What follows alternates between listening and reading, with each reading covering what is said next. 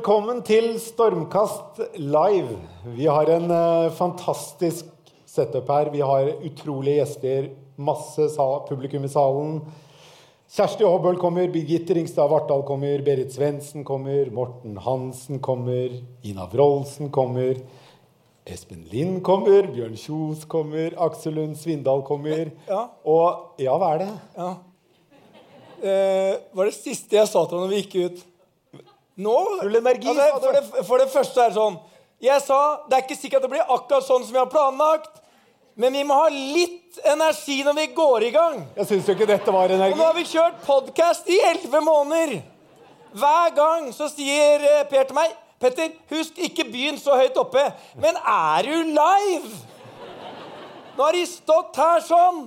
Og jeg tenkte, hva skjedde med han fra vi var enige om der ute at du skulle ha litt trøkk? Dette Ok, vent litt. nå, vent, vent, vent, vent, vent, vent, ja. Og du er pen i tøyet. Jeg hadde aldri gått med så krølla skjorte noensinne. Um, han var bekymra for at jeg kom i dress i dag, så er jeg bekymra over mange ting. Ikke akkurat om det. Men nå skal vi gjøre en ting. Har jeg lyd her, Karlsen? Ja, bra. Hør nå, vi skal gjøre Nå skal Per kjenne hvordan det er å være live. Nå har han sittet og tørka inne på et sånt studio hvor bare meg og han har vært der og gjester. Nå skal dere være med på følgende, for Per han hater det jeg skal gjøre nå. Nå skal dere bare Når jeg sier det jeg skal si Vi skal si Per. Sånn som det er, med med en tur. Per! per! Og vi gjør det tre ganger, men jeg skal synkronisere det. Og fra vi har gjort det, da skal dere kjenne nærseen til den legendariske redaktøren, mannen som aldri har tatt risiko i livet sitt, og det eneste vi skal prate om i dag. Er dere klare? OK! Jeg, vi skal si Per. Én, to, tre. Kom igjen. Ja da! Ja, nå er du oppe og nikker, Per. Velkommen! Altså, Det er umulig å matche ditt energinivå, Petter, men jeg skal prøve å løfte meg litt opp på ditt nivå. Tusen takk for at dere har kommet, alle sammen. Det er fantastisk hyggelig å se eh, så mange mennesker har kommet for å høre på oss og våre fantastiske gjester. Det, de, nå vet dere hvem de er. Dere har visst det før dere kom òg, men vi gleder oss skikkelig. Eh, Per, Per, Per. per. Hæ? Vi skal, Enda mer, nå? vi skal prate om risiko. Ja. Jeg har ett spørsmål når jeg sitter og ser på deg nå. Hvor mye risiko har du tatt liksom, de siste to årene? Nei, Jeg har tatt ganske mye risiko. Risiko? Eh, men jeg bruker tid på å ta risiko. Jeg tenker gjennom veldig mange eventualiteter. Det er ikke å ta risiko. Jo. Gi meg ett jævla eksempel på at du har tatt risiko de siste 24 månedene. Med risiko også, du må, ta en, du må tenke på noe, og så tar du en beslutning. Jeg bytta jobb fra E24 til Storm. Og, Det er ikke risiko, for da jeg måtte dra deg gjennom tørkeloftet, tilby deg en gullpakke, du skal ha garantert lønn i 24 måneder, pensjon, selv om det er liksom 50 år til pensjon, det er ikke risiko. Ha, det største risikoen du har tatt, det er å ta på deg sneakers istedenfor lakkskoa dine. Nei, vi går videre. Jeg, skal, jeg lover å oppføre meg sånn. ja, ja. Ok, da. Vi går videre. Men uh, risiko er jo dagens tema. Ja. Og jeg føler at vi har fått med oss publikum. Det er veldig bra stemning her. Og det er sånn at uh, det er lov å gå og hente seg øl eller noe annet å drikke underveis. Det er ikke sånn at vi ser stygt på folk hvis de går og henter seg en øl. Kan hende, Dere må gjerne komme opp med en til oss hvis dere ser at det begynner å bli tomt i glassene. Ehm, hjelp oss. Eh, det blir noen mulighet til å stille noen spørsmål. Ja, Og så må dere for all del la dere må klappe hvis det er bra, bue hvis det er dårlig, le hvis vi klarer å si noe morsomt. Dere må være litt med. Altså, Dette blir aldri moro hvis ikke dere er litt med. Og vi tåler ordentlig buing.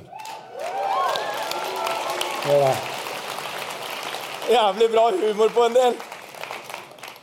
Ok, vi holdt på i 11 måneder. Det var, ganske, det var risiko, da. Du og jeg eh, visste ikke helt hva vi bega oss inn på. Nei, det vet vi kanskje fortsatt ikke. Nei, vi gjør ikke det. Og her står vi. Eh, først, Ja, det, altså, hallo. Uh, vi begynte i et lite studio, og vi er Norges største økonomiske podkast. Ganske fantastisk. Ja.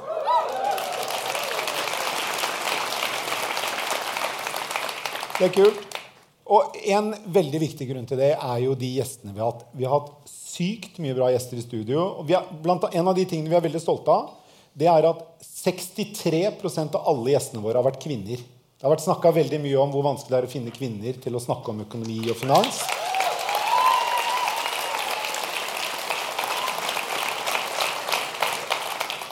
vår erfaring er at det er ikke vanskelig i det hele tatt. Og nå skal vi starte. Eh, første bolk er med to av de råeste eh, forretningskvinnene i Norge. De har eh, på hver sin måte et ekstremt aktivt forhold til det å leve med risiko og ta risiko.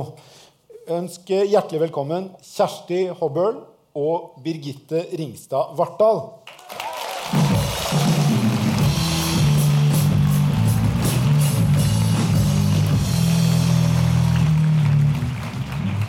Velkommen. Takk. Takk.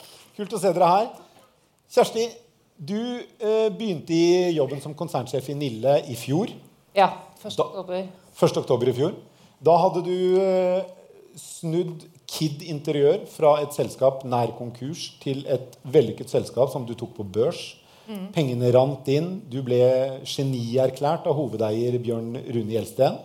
Alt var på skinner. Og så kom denne muligheten opp om å lede Nille, og stort sett alle du kjente, sa nei, nei, nei, det må du ikke finne på, du må ikke bytte jobb nå. Det går jo så bra i Kid. Kan ikke lede Nille. Og du takket ja likevel. Hvorfor gjorde du det? Noen har jo ikke vett på å holde seg der de kanskje bare burde være. Og ta det litt med ro og bare videreforedle ting og gjøre det enda bedre og enda mer perfekt. Men det er noe med at eh, noen av oss er jo sånn at eh, når ting begynner å gå bra, så blir det kanskje litt kjedelig.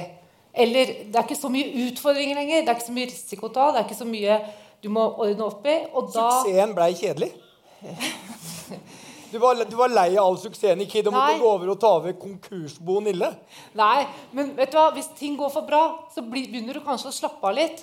Og så begynner du kanskje å bli litt komfortabel og litt mer lat.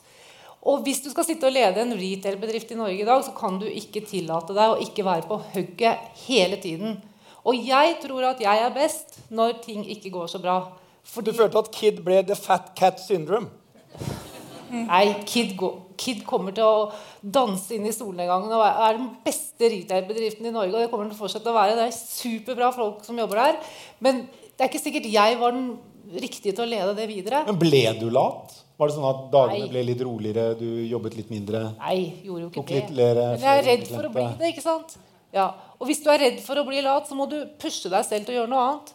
Og hva annet er det som pusher deg mer enn at du må, du må være på hugget, og du må fornye deg hele tiden. Og du må på en måte evne å tenke nytt, da. Men Kjersti, jeg jeg- jeg- et spørsmål. Jeg har overtatt noen eh, bedrifter som har gått dårlig. Og da, du, du har gjort en analyse av det, og det, det går jævla dårlig. Det ser du, ikke sant? Banken hadde overtatt, blitt ny aksjonær. Og det er jo, banker ikke sånn fordi de har lyst på Nille. Eh, de gjorde for det. var ingen andre som ville overta dritten. Og så eh, blir du overbevist om at de skal komme. Så kommer du inn hoveddøra, og da pleier vi å si det er alltid noen skjeletter der. Hva, hadde du sett alle? Jeg har ikke sett noen av de kirkegårdene som har eh, ramlet ut av de skapene. De ramler ut? De ramler ut, og de ramler fortsatt ut. Og det kommer de til å fortsette med en god stund til. Og det er jo det som er hele greia. At da må du evne å håndtere det og ta én og én ting og parkere det og få det på plass. Og så må du gå videre. Og det gir jo masse energi. Og så må du huske på det at det, det handler jo om en arbeidsplass for 2000 mennesker. Og Nille er over hele Norge og har en funksjon mange steder i Norge hvor det kanskje ikke er så stort tilbud innenfor retail. Så Det er ikke det at man er mor Teresa, men det er litt det at man må i hvert fall gjøre det man kan. For Du er mor Teresa for DNB. Det er vel riktig å si. Du er eh, Mor Teresa hun rekrutterte jo eh, eh, noviser ut fra at du skulle le godt, spise godt og sove godt. Ja, ja. Det høres Og det gjør du. Ja da. Men det, men det som er det viktigste her, er jo eh, dette, Nille er et selskap som tjente utrolig bra med penger helt fram til 2016. Og det er for meg helt ubegripelig hvordan du kan rævkjøre et selskap og kjøre så ned i grøfta på så kort tid. Men Kom med et eksempel på et lik som falt ut av skapet i Nille. Jeg kan jo ikke fortelle for mye Jo, jo, det, altså Vi ber- bare om et lite lik. Et, li, et lite Et ferskt Eller et i koma, da. Et, Bare gi oss et- en smakebit. Vi skal komme til de store helvetene seinere. Men vi trenger bare fra Nille, liksom, for det er litt sånn nipsepolitikk. Datt ut liksom mye sånne julegreier som ikke var solgt i juni, liksom. Altså, Det datt ut eh, noen vaser. da. Det var kjøpt inn tre- Vaser, ja. Vaser. Vaser er veldig fint. eh, men eh, 300 000 vaser altså Hvor mange hjem er det i Norge? 300 000 vaser som er helt like. Ja, det, er, det, er, det er nesten en Nillevase i hvert hjem. Ja. Eh, Var de altså, fine? de Det var det som var problemet. Nei, det, problemet kan jo ha vært det var for mange Ikke har fått solgt vaser. Redaktør, så er det fordi de ikke vasene var så jævlig Det er sånn det henger sammen. ja. Så det, ok, Men eh, eh, så, altså- det, var, det var et lager som var altfor stort, da. Nei, nei, det var ikke for stort, men det var litt feil sammensatt. Kan du si. Hvordan det Per egentlig spør om, da, for han er, han er litt preget av stundens alvor, det er hvordan klarer du å gjemme 300 000 vaser? Det er egentlig- Altså, jeg innbiller meg, Men, nei, nei, nei, nei, Er det nei, bare, bare sånne små vaser? Nei, eller er Petter, det tar oss Nei, det var ikke så store. Det er passe store. Men altså, noen av dem var jo solgt. det er- det Det bare det at det, det er grenser for hvor mange vaser du kan selge av den samme vasen til de norske hjem. du skulle tatt med deg, du skulle tatt med deg 1200 vaser. Jeg er sikker på at det er en Vi har hatt sånn stand oppe her. Ja. To for én. Ja. Nei, med 300 000. Du kan betale for en, få fem. ja. Har du julegave? det. Birgitte, du er jo du er, eh, konsernsjef i Golden Ocean. Eh, og Golden Ocean er jo et selskap som alle som kjenner selskapene på børs, de vet litt om Golden Ocean. Men eh, kan ikke vi, vi, vi har et bilde av et av skipene som du er sjef for. Kan ikke vi få se på det? Ja, bra. Er den grønne greien der er det sånn joggebane for eh, å kunne trene Man? Ja, det er faktisk det. Er det løpebane? Ja, det er for at du skal kunne bevege seg litt mens de er om bord. Har dere fått sånne nye elsykler der? Sånne, sånne elskutere? Eh, nei, det har vi ikke. fått. Men dette er jo et koko svært skip. Altså Det er nesten 300 meter langt. Og det har plass til 180 000 tonn korn. Ja, eller malm. Eller malm. kull. Eller Ja. kull. Så- Eller tørr Det er tørrlast. Det er bulkvarer Mm. det skipet frakter. 180 000 korn, tonn korn det er en tredjedel av det samlede kornforbruket til Norge i løpet av et år. Så tre sånne båter er alt korn nordmenn bruker i løpet av et år. Og du har hvor mange sånne skip? Leder du 60? 70? Vi har 78 skip. 46 av den størrelsen der, og så er resten litt mindre. Er, Hva, hva er litt mindre? Det er 200 meter istedenfor 300 meter, og 70 000 tonn istedenfor 180 000 tonn. Men bare sånn, eh, eh, Hvis jeg skulle fylt dette hotellet her sånn med korn, hvor mange av de 180 000 eh, tonn korn ville jeg få, altså, I denne salen, hvor mange tonn korn går det her inne? Jeg tror du kunne fått ganske mye korn, altså. Men Ja, det men- veier jo ikke så mye. Så det, korn går mest i mindre skip, da. Fordi at det er mye lettere. Ja, Men ta noe annet. da, hva er Jernmalm. Malm, Jernmalm Malm, er tungt. Ja. Da 300 meter langt, 45 meter bredt, 20 meter eh, høyt. Så du trenger mange rom som dette for å få plass til all Yes. Ja, 50 rom. 60-70 rom. Ja. Så, ok, Men så dette er jo uh, på mange måter eh, livsnerven i, i verdensøkonomien. Det å frakte korn, kull, jernmalm fra veldig mye fra Australia til Kina. Det skipet her går vel mellom Australia til Kina? Veldig mye. Ja. Ja. Um, det, det, det høres jo umiddelbart ut som en eh, business som bare tikker og går. Altså, Man trenger alltid korn, man trenger alltid kull, man trenger alltid jernmalm. Men så er det det stikk motsatte. Det er en av de mest risikable bransjene du kan drive i i verden. Hvorfor er det sånn? Det er veldig mye kortsiktige svingninger. Eh, Det kan være dårlig vær i Australia, det kan være tørke et sted. eh, Det kan være så dramatiske ting som en stor ulykke i Brasil, som vi dessverre hadde i slutten av januar. Eh, Det er etterspørsel av de varene, prising av varene mellom f.eks. hva kosta kull i Rotterdam mot hva kosta kull i Australia. Så plutselig kan du begynne å få skip som går fra Europa til Kina med kull, fordi det er stor prisforskjell. Eh, og så har du jo noen skipsredere da, som er ganske flinke til å bestille skip, eh, og ganske optimistiske på at markedet skal bli bedre. Så plutselig så får du mye flere skip som kommer inn i markedet. Så du har Men, en, Kjøpte ikke du ganske mange skip også? jo, men det er en Du var en av de optimistiske Hvor eh, mye, ja. hvor mye penger brukte du på det? eh, Vi kjøpte skip for 350 millioner dollar i 2017. Så det er litt penger, da. Ja, kunne, det jo litt penger. kunne jo kjøpt Nille, da. Det hadde, liksom vært, Ja, du, du hadde fått, Det er veldig bra. ja, det har bare vært ingenting. Ja. Og da, Og da kunne du hatt masse Og da- vasene. og da kunne du frakta båt. Altså, De vasene kunne man jo bare kjørt rundt omkring. Ja. til Sverige. Sverige, ja. Og påskeeggene dere ikke får solgt. de Ja, kan du bare- Men, Golden Ocean eies jo av Det er jo et børsnotert selskap, men hovedeieren er Jon Fredriksen, som jo er godt kjent for de fleste som en mann som tar mye risiko. Opplever du trøkket fra ham som eier på å ta sjanse? Birgitte, nå er du for passiv, nå er du for forsiktig. Nå må du kjøre på. Jeg opplever at uh, han og, og også andre er veldig opptatt av syklikaliteten. Når er det riktig å ta risiko? Altså, Når er det riktig å gå inn? Svingninger, ja. Når er det riktig å gå inn? Og når skal man være litt mer forsiktig? Og han har jo vært kjempeflink gjennom veldig mange perioder å gå inn på lave nivåer øh, og tjene penger på det og skape. Og så selge inn når det går dårlig? Eller når han ser at Når det toppen går begynner å nærme bra. seg? Du må, være, du må rekke å selge før det begynner å gå dårlig. Men jeg har bare et spørsmål, og jeg kan ikke dy meg. Det står ikke akkurat i manuset. Eh, og det er Per som har vært med i manuset. Det er mye som mange Altså, det manuset er jo Ja, Det er jo dette. Ja, det er, ja. Det manus. Jeg har printa opp mange stiler, så mitt ser mye bedre ut. Var sånn, du, vi snakker om Fred, Fred, Freddy, altså Fredriksen. Eh, vi Storulv. Fred, ja, Storulv. Ja. Han har en del Ja. Han har eget bord på teaterkafeen som kalles Karg Island. Vi skal ikke si hvorfor det kalles det, men det var ikke alle skip som gikk til Karg. kan du si. Men eh, altså, er han veldig opptatt av kultur og verdiord og sånt noe? Mangfold er en god Ja, mangfold? Ja, han har jo med, da. Så det er jo litt Ja, du er veldig ja, altså. Det, er, det er veldig. Men litt mer sånn Når du møter han, hvordan er han? Det, vi bør ikke si det til noen, bare gi oss noen karakteristikker. Han er veldig business-minded og uh, en ekstremt god trader. Kjenner du Jon? Vil du si at Jon er en venn?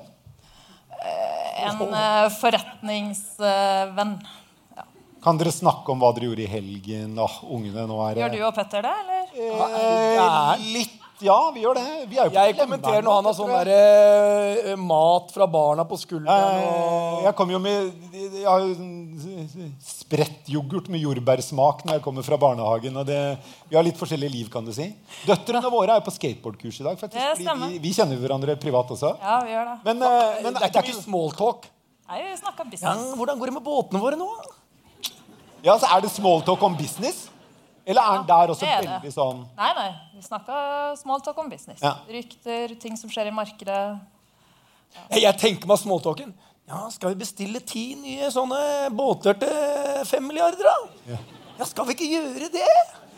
Ja, vi tar de. Vi tar de. Men du er jo matematiker av utdanning. Eh, og så har du lært deg finans, og du har studert finansiell matematikk. Mm, stemmer. Ja. Og slått deg opp på eh, alt som, alt som beslutninger som tas. Du skal ha to streker under svaret. Du skal liksom kunne regne ting hjem. Og du begynte jo i Golden Ocean som finansdirektør. Og da var jo jobben din å få skikk på det som var den gang et selskap i en dyp krise. Og du måtte hente inn veldig mye ny egenkapital. eh, Og, så, og du ble sjef for dette selskapet.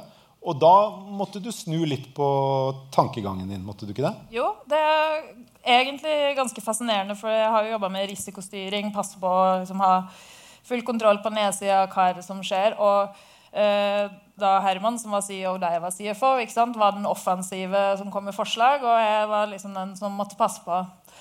Og så tok jeg jo over, og så finner du liksom en ny retning. Um, og så plutselig merker jeg at jeg er den offensive. Og så har jeg en sånn CFO bak meg som liksom, ja, CFO er en finansdirektør. finansdirektør som driver og passer litt på. Og det er jo litt festlig at du ved å skifte rolle uh, også kan skifte personlighet. For Birgitte er jo den samme personen. Hvordan gikk det å bytte fra å være den som sa men pass på nå, nå har vi for mange båter, eller disse koster for mye å drifte, til å Nei, vi må ha flere båter. Det er trygghet med å vite hvilken risiko du tar. Jeg kan leve med masse risiko hvis jeg vet hva den er. Og jeg vet hva er det som gjør at det går bra, hva er det som gjør at det går dårlig. Og hvis de rundt oss, banker, investorer og andre, også forstår den risikoen, og det er tydelig for folk, da har ikke jeg noe problem med å ta stor risiko. Det verste er liksom hvis du finner ut noe som du har glemt å tenke på, og så går det galt. Og som du burde ha tenkt på. Som du burde ha tenkt på. Som Men burde ha skjønt. det, det er en sånn ting. Når du sitter, du er matematiker, du regner. Og du regner på alle de i, i, avkastningsmålene du har, og cash om du har, og cash om du får. Og, noe. og du tenker dette skal vi gjøre, vi kjøper de ti båtene. Det er én ting du aldri kan vite. Hvor mye kontraherer alle de andre som har nøyaktig de samme inputen som deg? Hvordan forholder du deg til den risikoen? En ting er du, for det er, det, er, altså, det, er lett eh, det er ganske lett å kontrahere en båt. Å putte opp uh, 500 Nille-butikker, det er litt verre. Eh, nå, vi kommer tilbake på hvorfor det gikk ikke så bra. Men, altså, sånn, uh, men det er jo ekstremt lett å kontrahere en båt og konkurrere med deg på én ting. Og det er hvor mye det koster å flytte den der, hornet eller jernmalmen fra et sted til et annet. Hvordan, hvordan eh, skal du liksom, Hva gjør du for å, for å finne ut av det? Vi prøver jo å, å gjøre veldig mye analyse og, og følge med. Og så må du aktivt gå inn og ut. Det er det veldig enkle og det veldig vanskelige å kjøpe billig og selge dyrt. eh, som jo eh, høres veldig lett ut, men som ikke alltid er det. Eh, men vi må bare ha best mulig intelligens på hva som skjer rundt i markedet.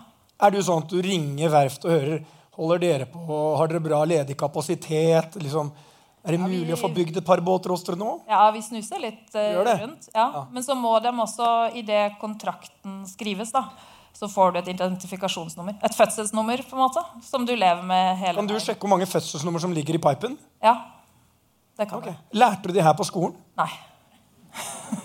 Men det er kanskje det viktigste når du skal gjøre business. Du, eh, Det, nå merker jeg det syns du ble litt kjedelig. Nei, men eh, vi har jo en gjest til, så jeg tenkte det kunne være hyggelig å høre litt med Kjersti òg. I en Nille-butikk det, jo, det tar jo veldig lang tid eh, fra du setter opp en Nille-butikk, eh, og så må du få kundene til å vite at den er der. Og så, eh, når du først har en butikk, eller det var sånn det var, så hadde du egentlig ganske god business hvis du hadde truffet riktig på konseptet. I dag så har du fått Internett, som spiser av en ganske stor del av omsetningen, til store deler av butikknæringen. Er det en utfordring for Nille også? Jeg tror den største utfordringen for Nille er jo at det er i, motsetning til bare for noen få år siden så var det ikke så mange tilbydere som var i det samme segmentet, lavprissegmentet, med bredt varesortiment. Nå får du jo kjøpt det samme nesten overalt. Og da må jo kunsten være å være relevant for kunden og ha et sortiment som de etterspør og trenger, og kommer tilbake for å kjøpe flere ganger. Og da helst til en pris som gjør at så, du opplever at du får veldig mye for pengene. Det, og det er en evig kamp. Og preferansene til, til forbrukeren de endrer seg jo hele veien.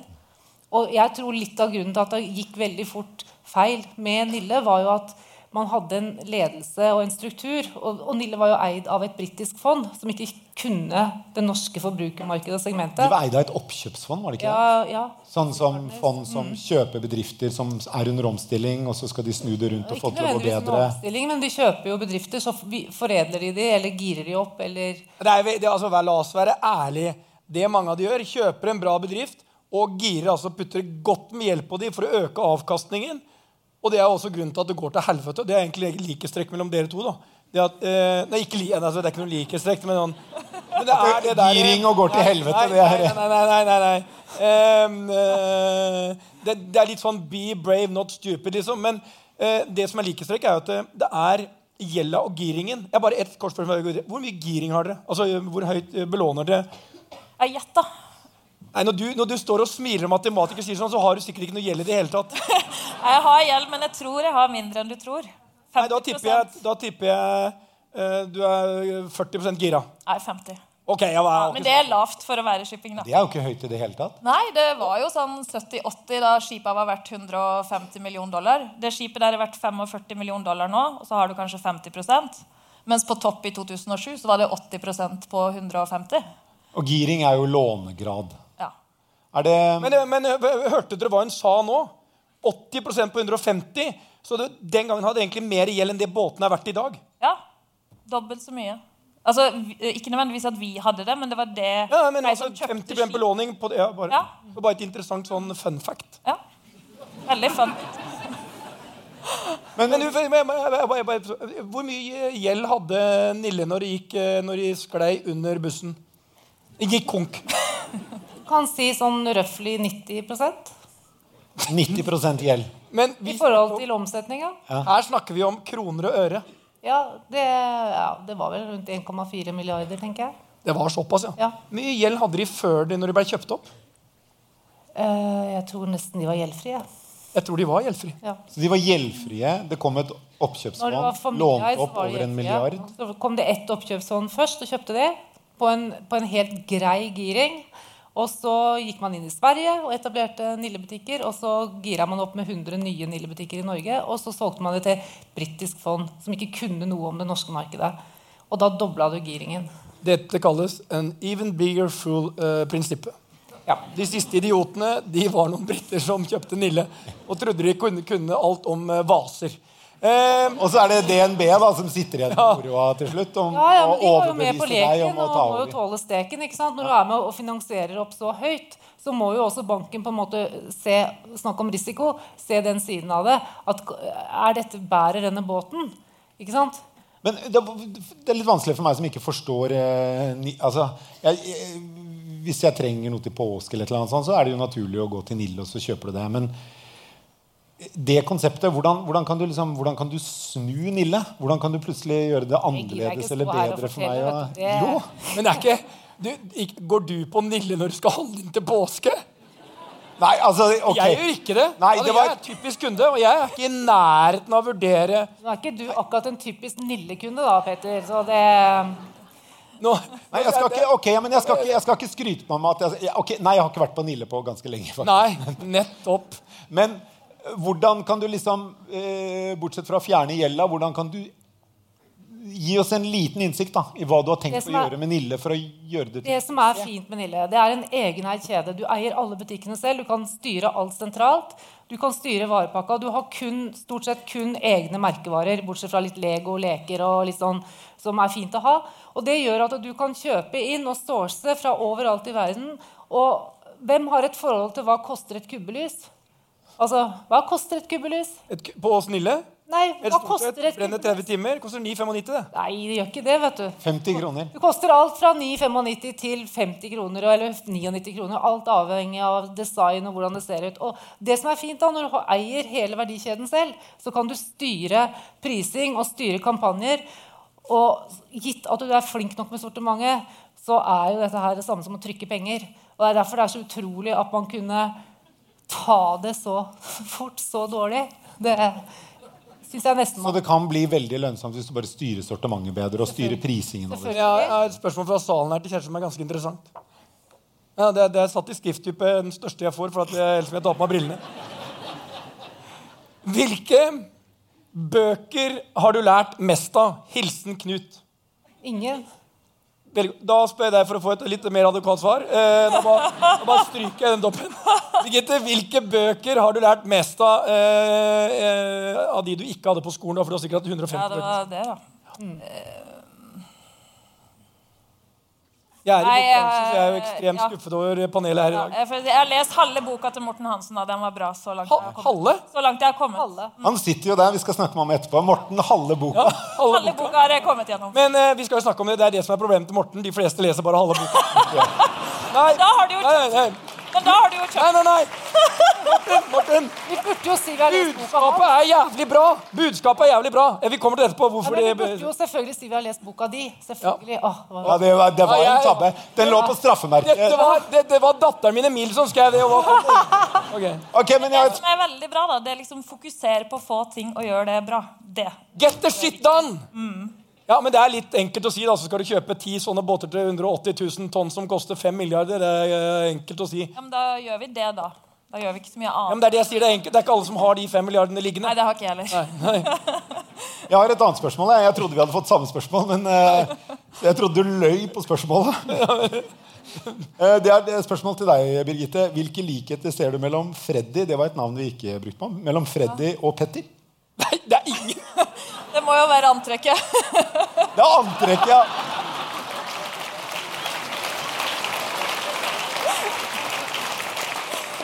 Eh, jeg bare minner publikum på, én ting. Det, er, det, det, var, flere virkemidler her. Buing gjelder også. Jeg, det er mye som er sikkert mellom meg og Freddy. Men eh, han har så vidt jeg vet, aldri vært på lista til Jan Thomas.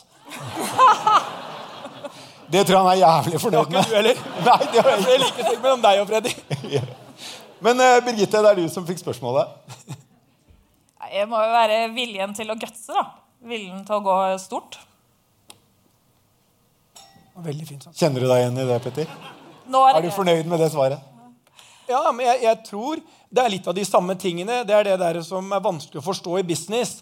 At hele dynamikken i det som har gjort han til verdens største på mange av de områdene han holdt på med, det er den derre enorme jeg tror gleden, det kan, Han må være motivert av andre ting enn penga når du er liksom, sitter i London og har vært 100 milliarder. eller hva Det faen det er for noe, det er i hvert fall ufattelig mye. Uh, og det der å trøkke til med store selskap, gjøre enorme kontraheringer i uh, kanskje den bransjen som er uh, vanskeligst å lykkes i over tid. Du leser jo stadig om selskaper som får problemer innenfor Og han er, han er på mange områder. Men du, er Petter, jeg skal det er morsomt. um, Jeg skal stille deg et spørsmål. Det tror jeg jeg aldri har gjort før i podkasten. Men når du er på den der Kapital 400-listen ikke sant? Jon Fredriksen han troner helt øverst på 120 milliarder Adelskalenderen. i anslått verdi. Det er adelskalenderen til de virkelig rike. Og så er du et stykke bak på rundt 25 milliarder. Men i det sjiktet der, er det en konkurranse om hvem som ligger høyest? Er det sånn at når du møter uh, Jon Fredriksen, at du står litt med lua i hånda? Ah. Og når du møter uh, Johan H. Andresen, så er du, oh, ja, ja, og, så er du litt mer rakrygga? nei, nei, nei, Møter du så gamle penger, da er du ordentlig ydmyk. Ja. Da vurderer du Nei, å kjøpe altså- deg en adelstittel i Sverige. ja, ja, nei, du kommer, jeg kommer aldri dit. Nei. Men, Eh, men, men jeg, jeg- jeg- i tallet Betyr tallet noe? Altså, Tallet i seg selv betyr ikke noe. Men eh, vi må jo være så ærlige og si at noe av suksessen i eh, business den handler jo om å tjene penger og gjøre det bra. Eh, men den alvorlige delen av det er eh, altså, Uansett om Birgitte gjør en strålende jobb og har masse suksess, så vil hun måles i at end of the day om hun lykkes. Selv om det er helt andre faktorer som gjør at du ikke lykkes. Og nå har hun vært for, svært dyktig. Men si at det skjer en gigantkontrahering fra Kina eller fra andre redere du ikke så yin-yang eller ping-pong eller hva, huffa meg eller hva det heter, av de selskapene som har ufattelig med ressurser. Det er ting hun, som, som er utenfor hennes liksom, Hun kan ha gjort alt riktig, og likevel blir det helt feil. Og Derfor er det én ting som vi skal ta med oss uh, herfra i dag. Det er I Norge så har vi litt en tendens til å heie veldig på de som lykkes, og stigmatisere de som ikke lykkes. De som tør å satse, som gjør alt riktig, men det var et eller annet uh, som gjorde at du ikke lykkes. Derfor sier jeg jeg tror det er ingenting som slår flaks, men noen ganger kan du faktisk ha uflaks. Og de gjorde alt rett.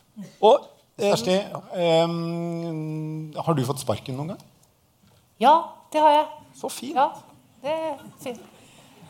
Det fikk jeg. Jeg fikk sparken i Bergen Bank. Jeg begynte i Bergen Bank da var jeg, ja, det var på 80-tallet, slutten av 80-tallet. Eh, og så gikk jo Bergen Bank konkurs. Og det gjorde jo DNC òg. Eh, og da fikk alle vi som var under 30 år, og som var relativt nystarta i banken, vi ble sagt opp. Eh, og jeg var gravid med min første datter og gikk i permisjon og hadde ingen jobb. Eh, og da var det jo bare å sette tæring etter næring. Næring etter tæring, heter det vel? Ja. De skjønte poenget. Ja, de skjønte poenget. Ja. Og, og, og sette seg ned og gjøre en analyse av hva gjør man nå. Eh, mannen min han driver med gravemaskiner og er entreprenør, og han tapte masse penger. Alle gikk jo konkurs på den tida der. Og så da var det liksom bare å Hva gjør vi? Hadde ikke penger, knapt et sted å bo. Gammelt hus, uoppusset, eh, trekkfullt, full av mus. Eh, det var ganske romantisk, altså. Det må jeg bare si. Var det da du blei glad i å handle på sånne billigbutikker som Nille? Ja, Er det, er det hende første det- møte med Nille? Slo inn litt der, ja. Men er du ikke enig at det, det, det der å få sparken, det er jo et helvete. Jeg vet hvordan det er. Men, Ja. det, men det, det føles ikke så Når du ser tilbake på det, så var det ganske bra fra. Tenk hvis du fortsatt hadde sittet da i, i eh, risikoavdelingen til DNB og jobba i dag. Det har vært ganske kjedelig. Ja. Ja, det er noe fra DNBs risiko. Men, eh, men eh, det du lærer av det når det virkelig går skeis, det er at du lærer å legge en plan for fremtiden og ta en risiko som du kan leve med, og som er passe stor. Og som gjør at du ikke f.eks. har jeg aldri påtatt meg for mye privat gjeld. fordi det jeg har skjønt, er at hvis du girer deg så høyt privat at du er nødt til å ha en, den jobben eller den inntekten for å kunne klare å holde hjula i gang, så blir du ikke uavhengig nok i forhold til den jobben du skal gjøre. Du, du klarer ikke stå for noe og kunne liksom ta det ansvaret du skal ta i de jobbene du et- etter hvert har fått. Og det, det kan man jo bli kritisert for i etterkant, at du burde kjøpt sånn og du burde investert sånn i leiligheter. Sånn. Men nei, jeg har ikke gjort det. Sikkert kanskje dumt, men det har gitt meg mulighet til å ta de valgene og ta vanskelige valg og kanskje stå imot et styre eller stå imot en eier som, hvor du er generelt helt uenig i strategien. Men, men Men Ok, veldig bra. jeg, må- jeg må bare si, jeg må, bare, bare legge til det. Altså, det, ja, det må vi få en kjempeapplaus.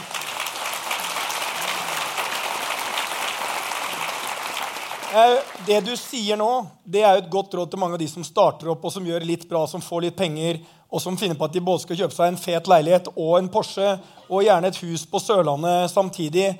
Eh, og de selger noen aksjer, og andre skal inn og ta risiko. Det er ikke veldig mye eh, fysen på å være med de, altså. For det er, det er litt sånn litt, så du må leve litt som du lærer. Og da møter du Jeg har jo prata med Kjersti et par ganger. Det er klart du får tillit til dama også fordi hun er en tøff jævel som eh, går inn i bedrifter og snur i og stiller av. Men det er ingen som er i tvil at hun kan. Hun har gått den veien. Hun vet åssen det skal gjøres. Så jeg tror ikke det er mye jåleri i Nille. Ja, det trodde jeg kanskje ikke før, Vi skal videre til uh... Vi skal videre til neste tema. Takk skal dere ha, Kjersti Hobøl og Birgitte Ringstad Vartdal.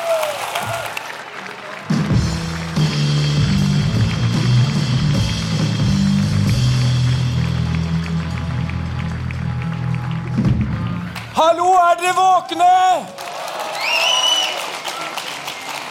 Har dere det bra? Det, jeg følte det var sånn stemning det var når jeg eh, uheldigvis fikk eh, sparken. Og det er jo tema for neste runde, er ikke det? Sparken? Jo, jo. jo. Jeg fikk sparken av Steinrik Hagen for noen år siden. Da hadde jeg det akkurat sånn litt mørkt, litt dystert. Så nå er det din tung intro, Per. hiphop i bakgrunnen. Ja.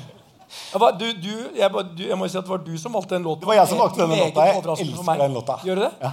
Du ser ikke ut som en sånn hiphop-fyr. Nei, jeg har drevet med hiphop. Jeg, jeg var jo tagger i veldig mange år. Jeg.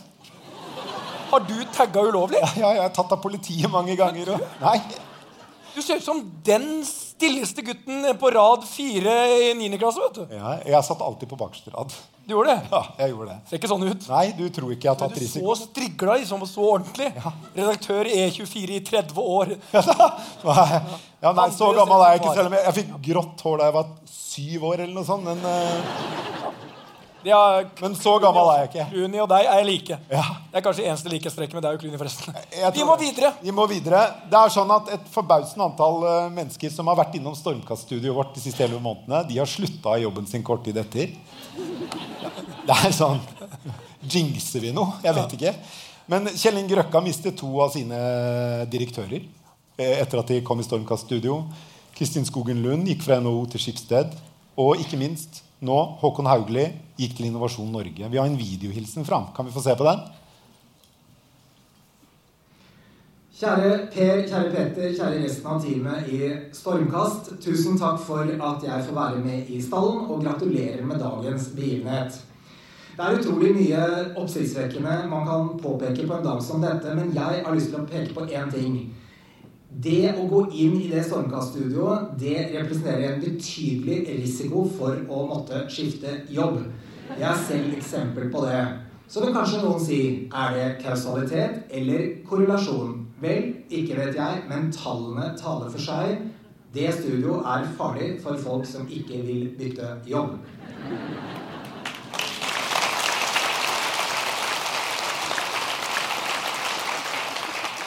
Er det én som kan underskrive på akkurat det Håkon sier der, så må det være Berit Svendsen. Ja.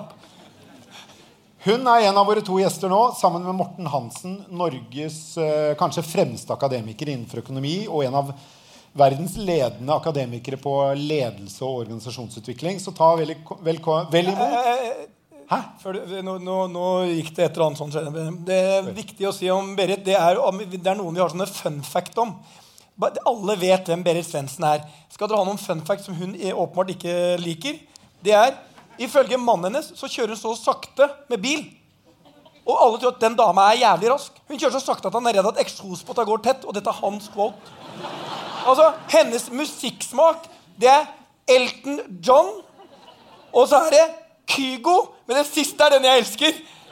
Det er Dolly Parton. Og så har hun da, så elsker hun tunefisk på boks. Eller er det du ikke elsket? Det var det, det, var det hun hata. ok. Vi er- er ønsker Berit Svendsen og Morten Hansen velkommen. Ja da!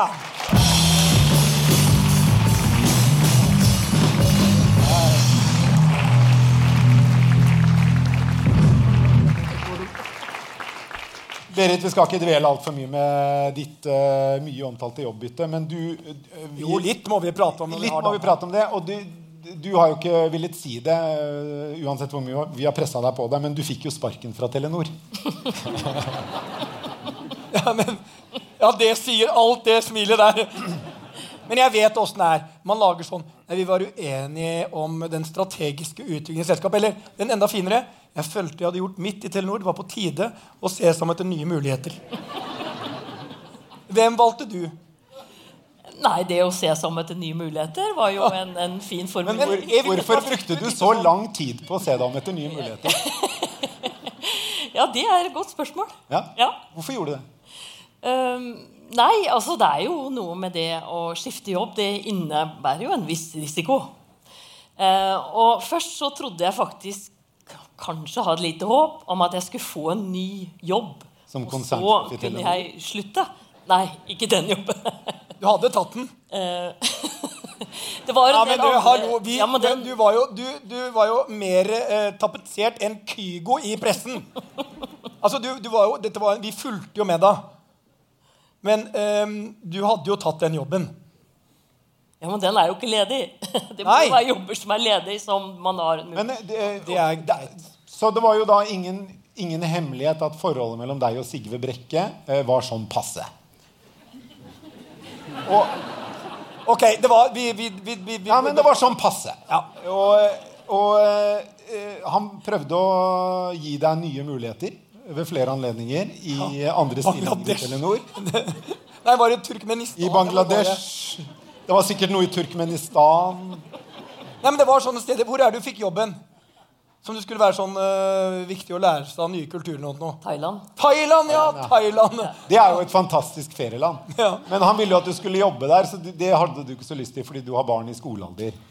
Men angrer du på at uh, i stedet for å vente på muligheter, eller i stedet for å vente på at Sigve Brekke skulle slutte som konsernsjef i Telenor, eller vente på at det dukket opp en annen mulighet i næringslivet som tenkte, den står jo mitt navn skrevet på, at du ikke bare slutta og, og lot mulighetene komme?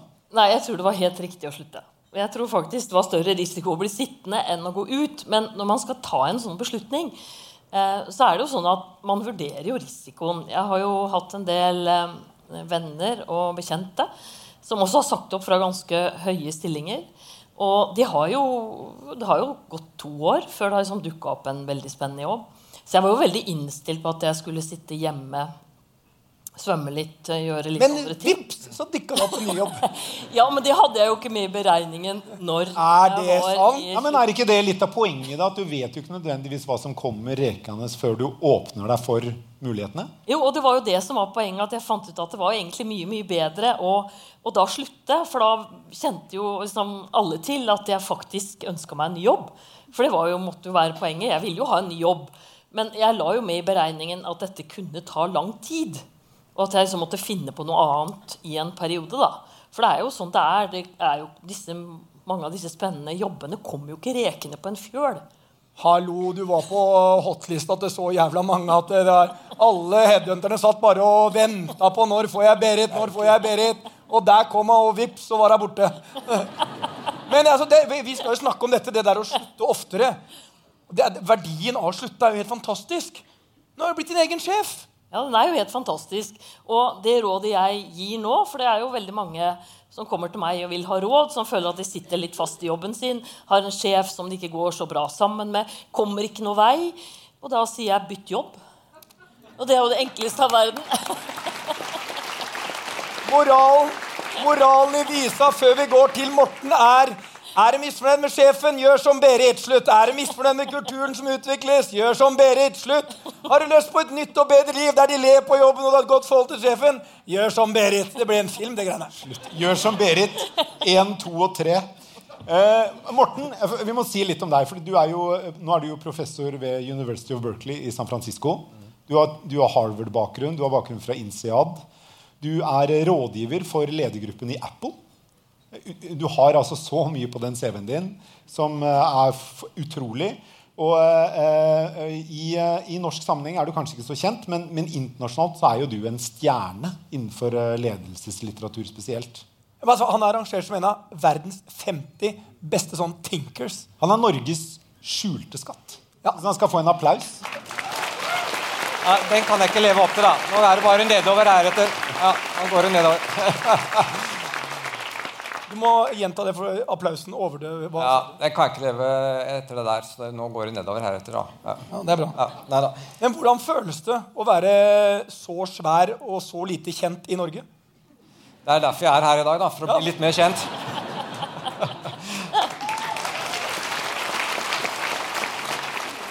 Hva tenker du om det å, å slutte oftere? Ja, altså, så Jeg lever jo og studerer folk som får sparken. Det er jo det jeg lever av. Jeg skriver bøker om det og tjener godt, eh, godt liv på det. Men det folk eh, slutter, eh, de må slutte oftere, det er folk sitter for lenge i jobbene. Jeg tok med meg litt sånn tall i dag. da. Ja, ja det er bra. Ja, for det, Ja, det er, jeg er jo akademiker. Ja, men, Kjør på, Morten. Ja, Kom med tallene. Jeg skal? Ja, notere ned her. ja, da. I en stor undersøkelse Petter, så er det hvorfor søker folk etter ny jobb. Nummer én folk kjeder seg. De vil ha nye utfordringer. 33% er på den der. Og det, nummer to, det tror jeg du er interessert i, Petter. Eh, kulturen der hvor de er, passer ikke inn, så de søker etter en bedre kultur som har bedre verdier for dem. Og Det er de to aller første. Og langt ned på listen så kommer det til høyere lønn. Den kom på 24 fint. Og langt nedover så kommer da høyere lønn som den, ene, den beste årsaken. Og det er jo veldig interessant. Da. Det betyr at folk ser etter mer engasjerende jobber, etter andre ting hvor de får energi, og ikke bare til høyere lønn. Ikke sant? Så jeg bare lurer på her i salen i dag, jeg lurer på hvor mange som ser etter ny jobb. Hvor mange er det i salen i dag er det som har byttet jobb de siste fire årene? Det er ganske mange, det.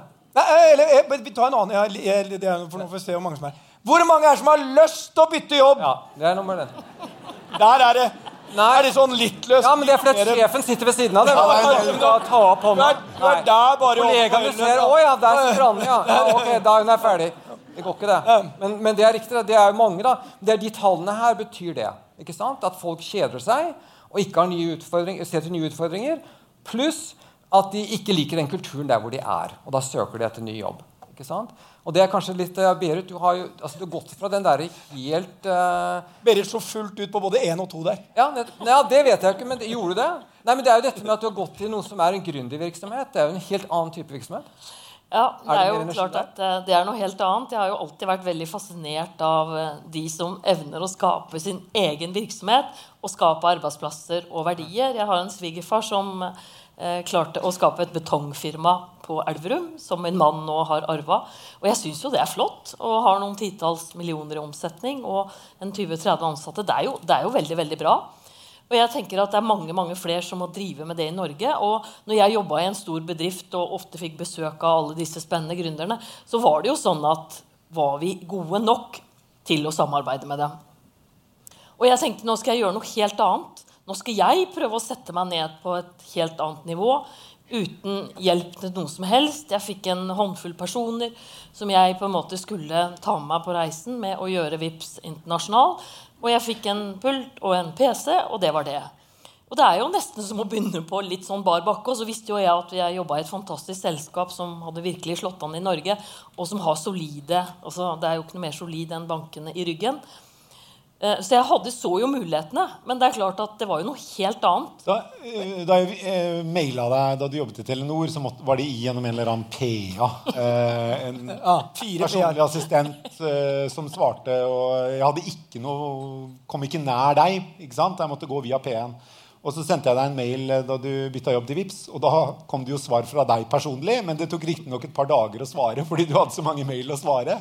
Opplever du den overgangen eh, Er den vanskelig? Du har gått fra et svært konsern hvor alt er liksom lina opp for deg. Du har informasjonsfolk og PR og alt mulig, til å måtte eh, finne ut av ting selv. Altså, det er jo uvant, i hvert fall. Det blir jo en ny hverdag. Og bare det å håndtere kalenderen min selv det var- jo som er jeg bare gikk inn og fikk beskjed. Ja, jeg fikk bare en utskrift hver dag. 'Dette skal du gjøre i dag'. Jeg pleide å se på en dagen før da, for jeg måtte jo forberede meg til, til store og små eh, arrangement. Og jeg fikk jo ofte et foredrag i hånda.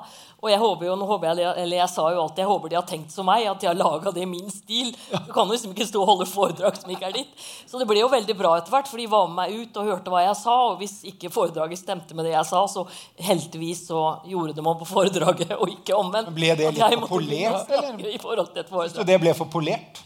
Ja, men det blir jo ofte det når man har en sånn jobb, hvis man ikke evner å bruke hodet. For at alle andre tenker, ikke sant? Så det er litt sånn Ja, men jeg, jeg vet akkurat sånn, jeg har svær kommunikasjonsstilling, og jeg har blitt altfor polert. Det er derfor jeg ble med i eh, Stormkast. Men, men Morten, ja, et, sånn, eh, et spørsmål til deg.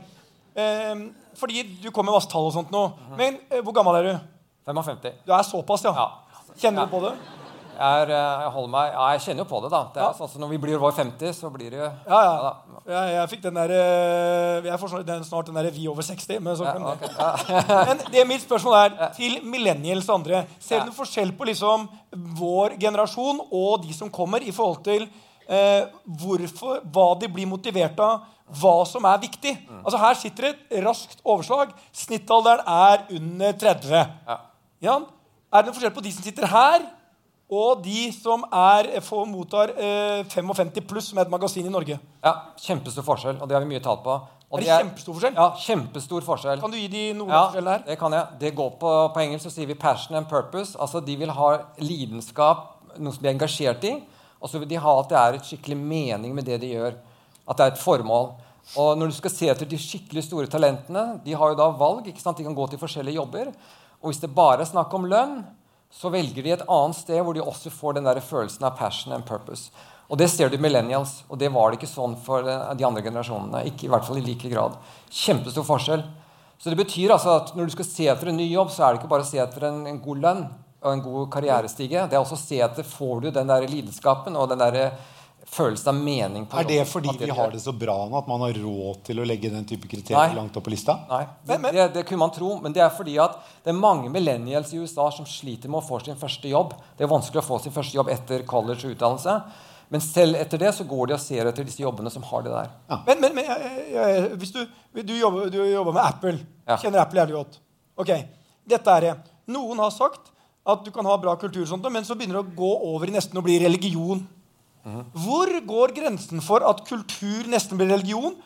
Og i så fall, hvis det blir nesten religion, er det negativt? Uh, ja, ikke hvis det er uh, en eh, god religion. Altså hvis det er gode verdier. Nei, Ja, nå kunne du vært politiker. Ja, det er vi ikke. Vi er her for ja, nei, men Her er vi, bok, det er bare vi skrev en bok som som het 'Built to Last'. Og der er et Hva het boka? 'Built to Last'. Og, det, og da heter det building, Built, uh, build cult-like cultures. Så da har du nesten som en religion. Så det er mange firmaer som har gått den veien. da.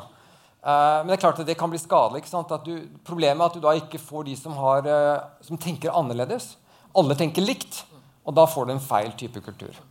Eh, Vi er, det, er, det er veldig lett, å, det veldig lett å, å snakke om at man bør slutte oftere i jobben, og man må liksom ta større sjanser i, i, i karrierevalgene sine. Men en, en annen risiko man Eller den risiko man tar hver dag, er jo det valget å bli i en jobb. Ja.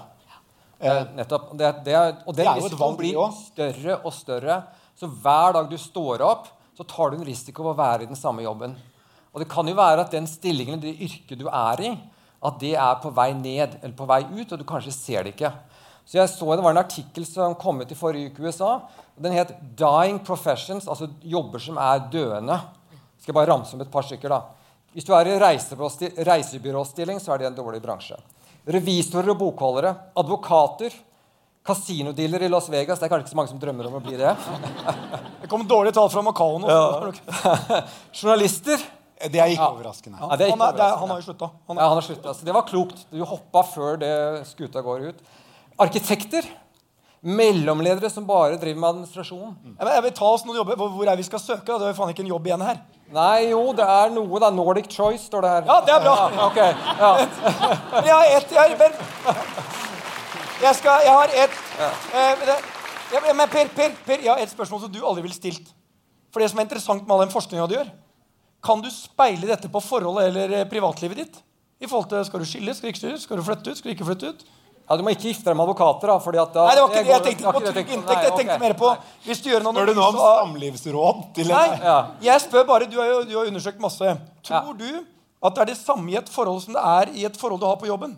Ja, ikke at du har forhold på jobben. Jeg ble veldig feil. Nei, nei. Altså, Nei, det blir litt metoo. Ja. ja, hvis du har, hvis du har eh, jobben din, som og da har du gjort en del vurderinger, Ja. som du er med på her, Ja. gjelder de samme tingene i privatlivet ditt?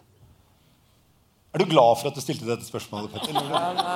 Jeg er litt usikker nå, men det, dette har jeg lært av Jan Fredrik. Når du først har beveget deg ut på stupebrettet Ja, ja. Hør på! Gi gass! Gi gass, Petter! Ja, det, om det blir spikeren eller planke, bare kjør ut. Ja. Det det Du er vil jo ha det samme, altså du vil ha en jobb hvor du, det, den, arbeids, den plassen har de samme verdiene som du har. Det gjelder vel et forhold også. Oh, gjør det ikke det? Oh, det var godt svart. Den var dyr. Det er ikke det jeg forsker på, da. Nei, Det er så mange som forsker på det, så ikke bryr Ja da. Men jeg, jeg, jeg har jo lest boka, og det er en helt fantastisk bok. Alle som driver business, bør lese boka, for dette er forskning på hva som er viktig i forhold til å lykkes som Uansett om det er en liten bedrift eller Apple.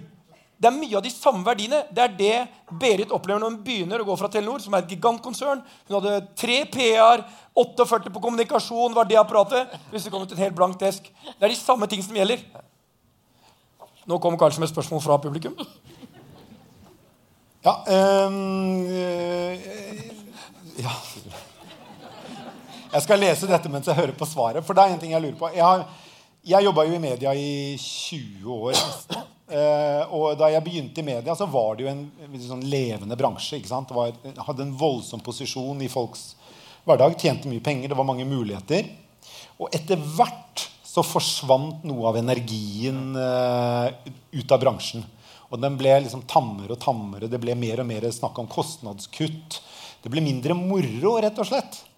Ehm, er det noen sånn er det noen sånn ting man skal følge med på i sin egen jobb og i sitt eget selskap og bransje? Er det noen varselstegn da, på når liksom blodfattigheten blir for stor? Ja, jeg, tror Steve Jobs hadde en veldig sånn godt spørsmål på det der. Og det var eh, Tell antall dager hvor du føler at du ikke har hatt eh, skikkelig entusiasme på jobben.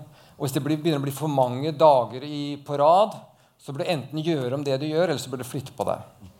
Så går det 30 dager, går det to måneder, går det seks måneder, går det et år, så har du ikke følt den entusiasmen. Så må nesten gi en terningkast på hver dag på jobben over en eh, måned eller to? Det kan du gjøre. ja. Det blir mange. ja. Og det gikk nedover for deg, da. Ja, for meg gikk den nedover. eh, Og Men det andre med det, og det vet du jo fra den der forskningen, da, det er jo at de som presterer best på en jobb, det er de som føler at de har den passion and purpose. altså de har en, For de har mer energi å gi på jobben. Og det er jo de som presterer best. Og hvis du føler at du ikke har den energien, for du ikke liker hva du driver, eller du ikke liker sjefen din, så bør du flytte på deg. Det er jo veldig, det er jo veldig synd å bruke livet 10-20 år av livet ditt på et sted hvor du ikke føler engasjement og du ikke føler det er følelse av mening der hvor du er. Og så ser du tilbake og sier du, søren eller jeg skulle ha flytta på meg tidligere. Og, det, er- man, og da burde man kunne, burde kunne se det og flytte på seg når, når man har den muligheten. Da. Ja, ja, spørsmål til Berit. Eh, og det her eh, forstår jeg fullt ut, eh, hvis ikke du vil svare på. Hvor, eh, jeg hadde ikke klart å svare på det. Hvor gode er Og det er tatt rett ut fra det Morten sa, så han burde egentlig svart på det. og stått ansvarlig for de eh, tingene han leser om. Hvor gode er jobbmulighetene i finans når algoritmene kommer?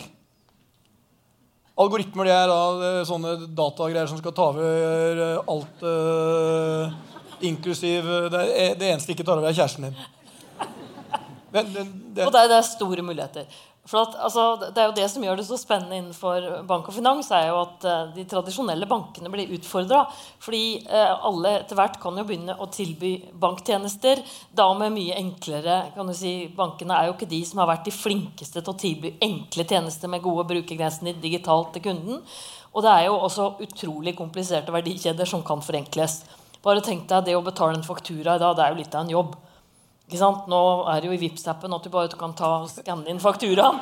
Så leser Her er bare å kjøre på med reklame. Og, og kontonummer, og så taster du bare inn beløpet. Så det er jo, altså, det er jo så store muligheter. Så jeg tenker at altså, de som evner nå å utnytte de nye mulighetene, der er det et stort potensial. Ok, en annen, et Og, tenk deg hva Kina og USA har fått til på dette området. Ikke sant? Apple Pay er inne på finansielle tjenester. Facebook prøver seg. Amazon er jo en kjempe-e-commerce-plattform. I Kina så har du jo verdens største fintech-selskap med Alipay. 600 millioner kunder. Ikke sant? Det, er, vet du hva, det er store muligheter, men en må følge med i timen. For det er jo algoritmen må jo brukes av de selskapene som klarer å henge med. Så Vips er på en måte litt sånn finansbransjens svar på Tinder. Det er sånn, Den betaler, den tar ikke det, det, er så enkelt at du kan bare.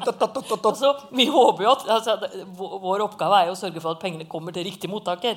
Og der skal du ikke være Ja, men Det er jo Tinders oppgave òg. Det er jo det er jo det som er ideen.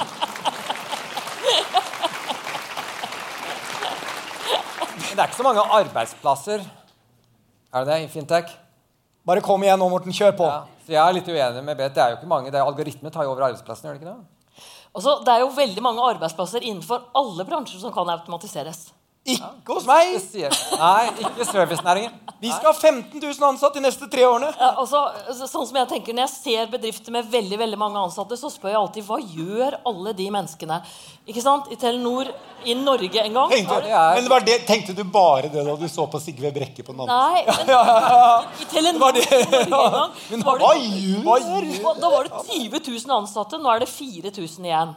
Og ikke sant, Det var jo en tid der damene satt og det var jo veldig mye damer som hadde de jobbene, satt og kobla telefonsamtaler i nettet, og så passa de på å høre litt på hva som ble sagt også på de interessante samtalene. Men da er det jo åpenbart spennende. Ja, de jobbene de finnes jo ikke mer. Så det har jo vært en fantastisk utvikling når altså digitalisering, automatisering Og tenk deg lakseoppdrettsnæringen nå.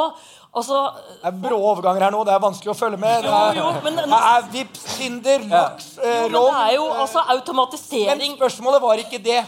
Nei, det var, Det var, eh, antall arbeidsplasser. men eh, Jeg syns dette er et godt spørsmål. For at når all den digitaliseringen kommer, kommer det til å bli skapt like mange arbeidsplasser som de arbeidsplassene som ikke kommer til å være der lenger.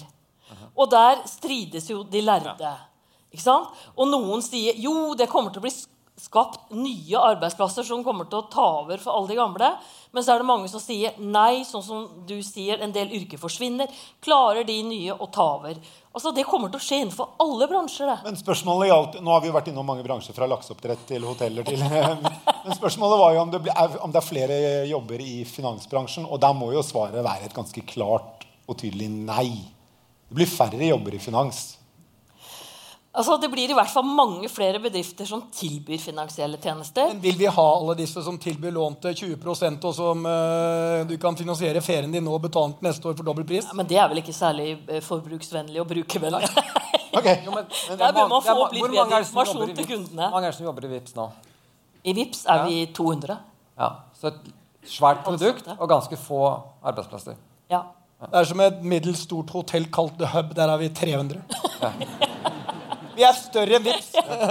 Mens i DNB for eksempel, er det 10 000, ja, 9000. Ja, men det du sier da, for alle her i salen, det som er viktig, det er at man da finner seg en, et segment, et, et yrke, et sted hvor man kan jobbe hvor ikke automatiseringen kommer. Og hvor er det? det, er, ja, det har jeg ikke svaret på, men jeg svarer på der hvor det, Ja, men du der må hvor, ikke, kan, kan komme her og si alle steder de ikke kan være. Og, og du må ha, Da må du høyttenke, som vi ofte utfordrer eh, gjestene våre på. Ja, det Dette er krevende. Jeg merker ja, forskeren ja, svetter nå. Ja, nå svetter jeg. Ja, for det, det er neste bok. Det er neste bok. Er neste Tenk ut av boks. Du må, du, Du altså, vet, vi, vi studerer jo tall. Det, vi, vi går bakover i tiden. Vi vet hva som er skjedd, ikke hva som kommer Morten, du er 22 år, ferdig utdanna, supersmart. Hvilke yrker står topp tre på lista di? Jeg noterer flittig. Ok. Skal vi se. Uh, Markedssjef på Nordic Choice. Det vil være første. Den jobben er besatt. Ja, den er besatt. Ok. Kreative industrier. eh, industrial design, f.eks. Det tror jeg er veldig viktig. Det er hvor ikke algoritmene kan komme og ta det som, som skjer. Gründere. Det, kreativiteten innenfor gründervirksomheten, det er veldig viktig. Eh, spesialiteter innenfor sånn advokatbransjer osv. Det er viktig. Der hvor det er spesialiteter, og ikke det som er alminnelige advokater. Sånne ting. Så det er ganske mange kreative. Det som har kjempestor vekst i Silicon Valley, det er det vi kaller data scientist. Dette med at du kan være dataanalytiker. Og og det er mange som da driver og gjør en ny utdanning for å bli det. Hva, hva, hva da? Dataanalytiker, jeg vet ikke hva det er på norsk. Data analysis. Ja, men bare forklar meg hva du gjør. Analysere Det tar lengre tid. ja. Ja, men- Analysere data. ja. Men ok, jeg har et ting, altså, der, ligger, der ligger fremtiden, og ikke i mange av disse gamle yrkene. Jeg har et spørsmål eh, på tampen før vi, må, vi begynner å nærme oss at vi må runde av. Men uh, bør man virkelig slutte oftere om man bare er middels attraktiv på markedet? er det en som spør. Ok.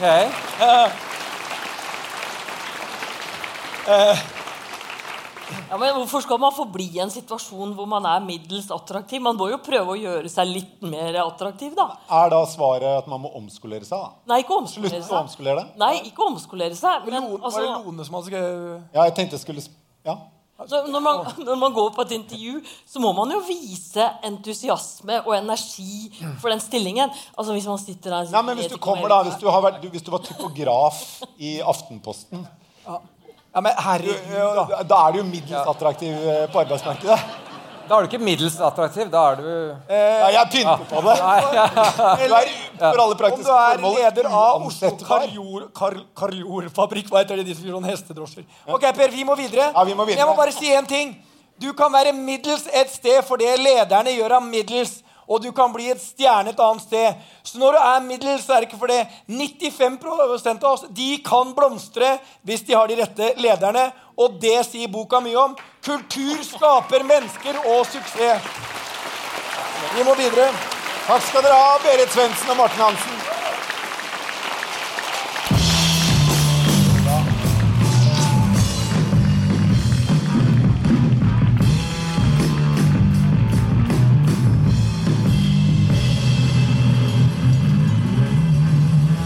Petter? Nå la vi ned sånn fotoforbud. Jeg ser faen ikke så dårlig som deg. Ja, du ser dårligere ut. Du, du, du kler ikke lue. Nei, jeg gjør ikke det. Men det gjør ikke du heller, Petter. Du, eh, Hver uke i Stormkast så har vi noe vi kaller Ukas bær.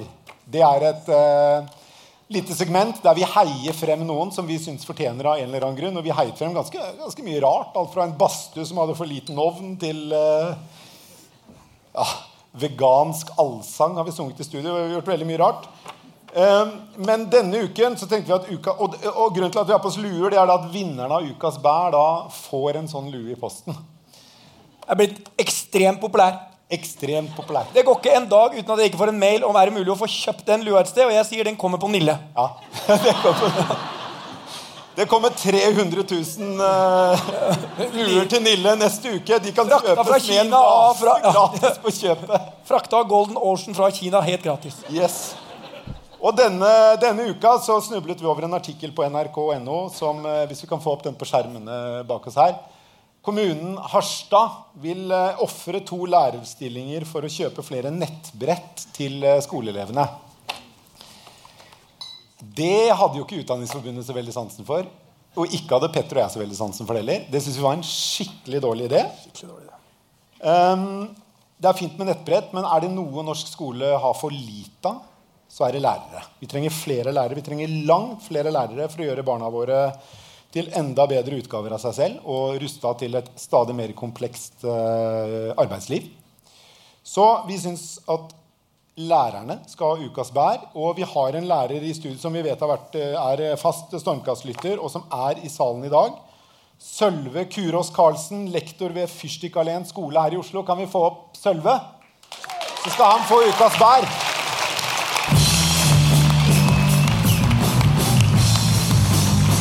Hei, Sølve. Der er du. Stå på. En applaus til Sølve. Ja, kjempeapplaus! Vi må, jo, vi må jo ha et spørsmål her til han mens han først er oppe her. Det er, eh, jeg hadde aldri stått der hadde det ikke vært for en lærer som het øh, Jeg skal ikke si hva hun heter. Hun hjalp meg på Jeg hadde null i fransk, øh, og jeg lånte henne ikke. Det er godt bevart hemmelighet. Eh, og jeg måtte stå. Og hun ringte meg før øh, siste avgjørende prøve og sa Petter, kan du ikke lese litt ekstra på Francois S. Babysitter, eller S for de som kan fransk, og et annet et. Ehm, og eh, du, det- dette er det vanskelige spørsmålet. Det var åpenbart at hun juksa for meg, sånn at jeg skulle få to i fransk. Og komme videre her i livet. Var det rett, eller var det galt? Det der ville aldri en datamaskin klart å gjøre. Ja. Eh, jeg må si sånn som flere av de andre har sagt. Det Godt spørsmål. Glem ditt moralske kompass nå. Jo, men du må jo også huske på det at eh, det handler ikke bestandig om hva som er rett og hva som er galt. Det handler jo mest om gjør du valget ditt til å være rett etterpå.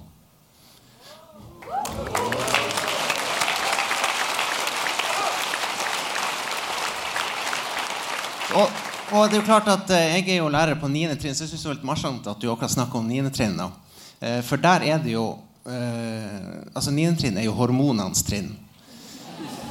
Du har 8. når de kommer på ungdomsskolen. ikke sant? Det er liksom karakterer og alt det der. Og de er veldig entusiastiske. Og så kommer 9. med hormoner, og det er kjærester, og det er ikke kjærester, og det er vennskap som går i dass. Og så står de der og skal forklare dem om hvorfor det er viktig med diktanalyse. Det lurer jeg fortsatt på. Jeg er faen meg 50. Ja, ja. ja, ikke peiling. Hvorfor er det Eller, eller enda verre. Eller norrøn mytologi. Nei, ja. eller, eller det der å lære salmevers. Fortsatt å dirre i huet mitt. Vår Gud, han er så fast en borg. Han er vår skjold og verge. Han hjelper oss i nød og sorg. Altså, det, det, Du husker dette? du? jeg husker det fortsatt. Du kommer til å lalle det på sykehjemmet, du, altså. Ja, ja. Så, men, men ikke sant? Det, det handler jo om at eh, og, og det her prøver jeg fortsatt å si til 9. klasse, men jeg var lærer i 12 år. Eh, og jeg har hatt ganske mange eh, elever etter hvert. Eh, og det jeg prøver å si til dem hver gang, det er liksom det at ok, du skjønner kanskje ikke alle ting rundt deg. Og en del av det som jeg sier, det bryr deg katta. Og det er for så vidt greit, det. Men vi ønsker jo at du skal få et liv der du har det meningsfullt. Og da må du jo ikke sant, prøve ting, se ting. Og da betyr det at det er veldig mange ting du skal skjønne at det her er dritt. Jeg kan jo som lærer selvsagt ikke si at det er dritt, men det må du finne ut av. Ja, diktanalyse kan vi si er dritt. Det tror jeg de fleste det er, det er, altså, du, eh, Men Ok, okay, dere, vi, eh, Nå kommer det straks en låt her, så vi må, vi må videre i programmet. Men jeg må først si eh, at jeg føler meg jo litt billig på at det står her. da Hæ? For jeg får en telefon fra dere i går. Kom hit. I tre år har jeg prøvd å invitere Petter til F21, så nå håper jeg at du svarer meg og kommer til F21.